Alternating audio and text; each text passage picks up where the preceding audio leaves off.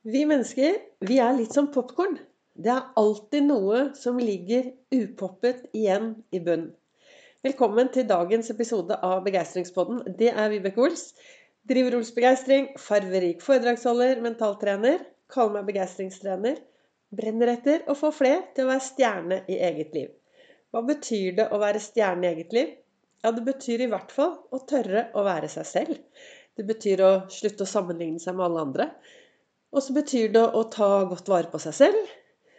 Og så tenker jeg at hvis du klarer å ta godt vare på deg selv, bry deg om deg selv, få deg selv til å ha det bra, da vil det smitte ut på de du møter på din vei. Og når jeg holder foredrag, så starter jeg veldig ofte med å si som så at eh, Vibeke, vi er møkka lei hele deg.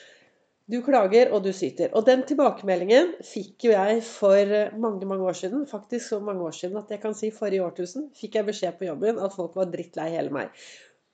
Og jeg trodde jo at jeg var den grønne, store, smilende, hyggelige personen. Mens mine kollegaer opplevde jo meg som et sånn surt, rød, sur person.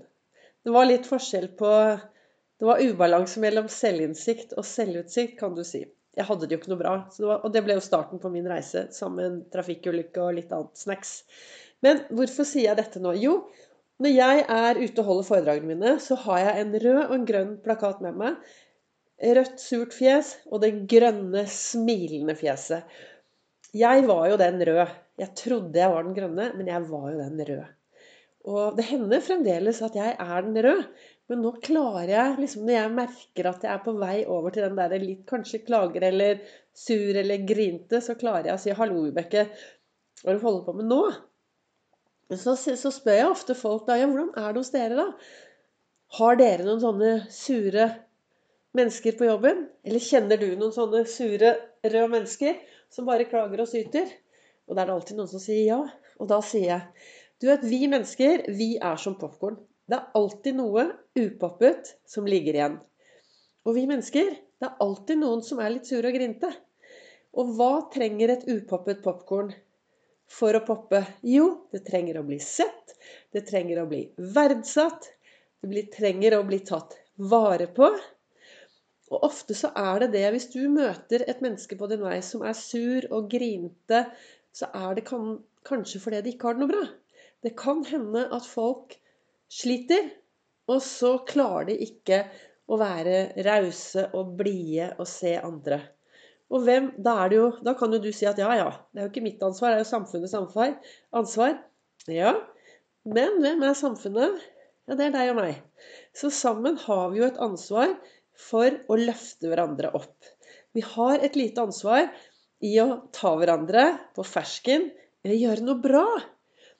Tenk hvis vi alle ble litt flinkere til å si Du, den jobben gjorde du bra i dag. Fordi sånn og sånn. Ikke bare å si ja, du er så flink.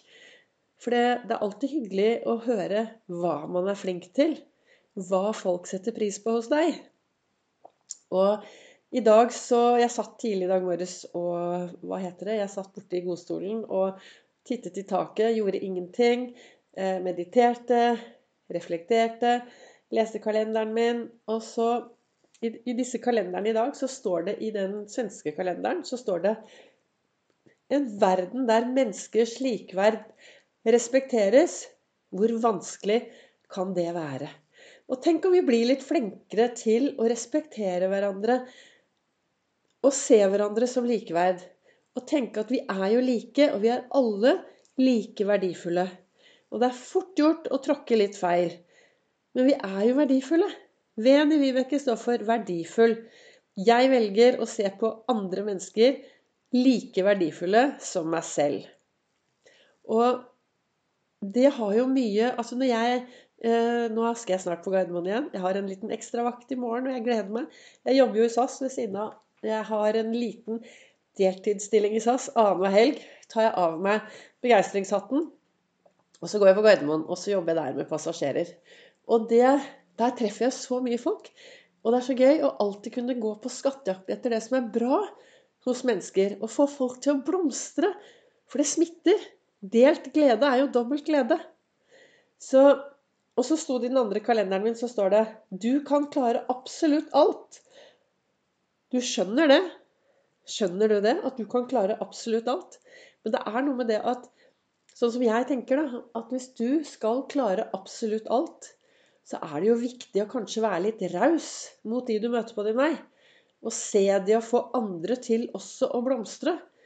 For det er litt kjedelig å være den som liksom tar albuene seg fremover og skal klare alt og fikse alt og ordne alt og få til alt.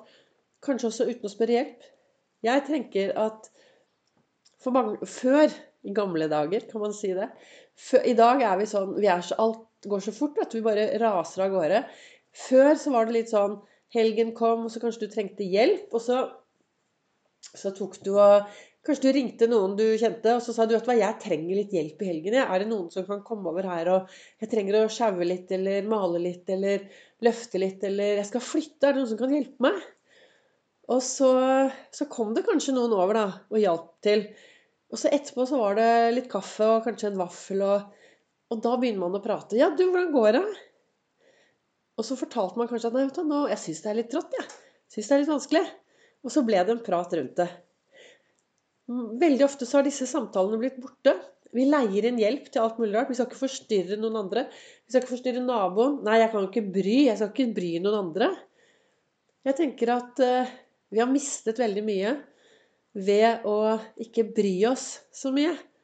Ved å ikke bry andre. Ikke spørre om hjelp.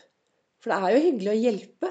Jeg har noen mennesker som aldri spør om hjelp. Som eh, Nei, de skal klare alt selv. Skal ikke skylde noen, altså. Nei, jeg skal ikke skylde noen noe. Men det går jo ikke på det å skylde noe. Det går jo på det at Jeg tenker i hvert fall at folk setter pris på å bli spurt. Og folk setter pris på å bli spurt om å hjelpe til og bidra og være der for noen. Det er i hvert fall det jeg tenker.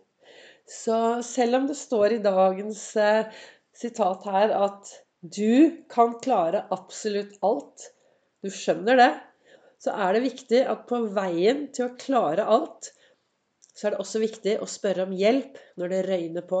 Og det har litt å si eh, Eller det har det når jeg sier 'lag deg en meningsfylt dag' så er en meningsfylt dag for meg de dagene hvor jeg tør å være meg selv 100% Hvor jeg tør å kjenne på følelsene, kjenne på det som kommer. Tør å være trist, lei meg, sint, kanskje litt forelsket, glad, boblende av begeistring. Når jeg tør å kjenne på alle følelsene, da lever jeg et meningsfylt liv. Og det livet for meg, da, sånn som jeg ser det, et meningsfylt liv Det er jo veldig vanskelig å leve det uten å være sammen med andre mennesker. Sosialisere med andre. Så hva ønsket jeg egentlig å si med dagens episode?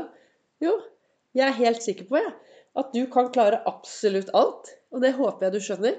Samtidig så er det utrolig viktig å av og til be om hjelp. For vi mennesker, vi setter veldig pris på å hjelpe hverandre og vi setter pris på å være der for hverandre. Takk for at du investerte noen minutter i dag også til å lytte på eh, Begeistringspodden og Vibeke Ols. Du treffer meg også på sosiale medier, både på Facebook og på Instagram.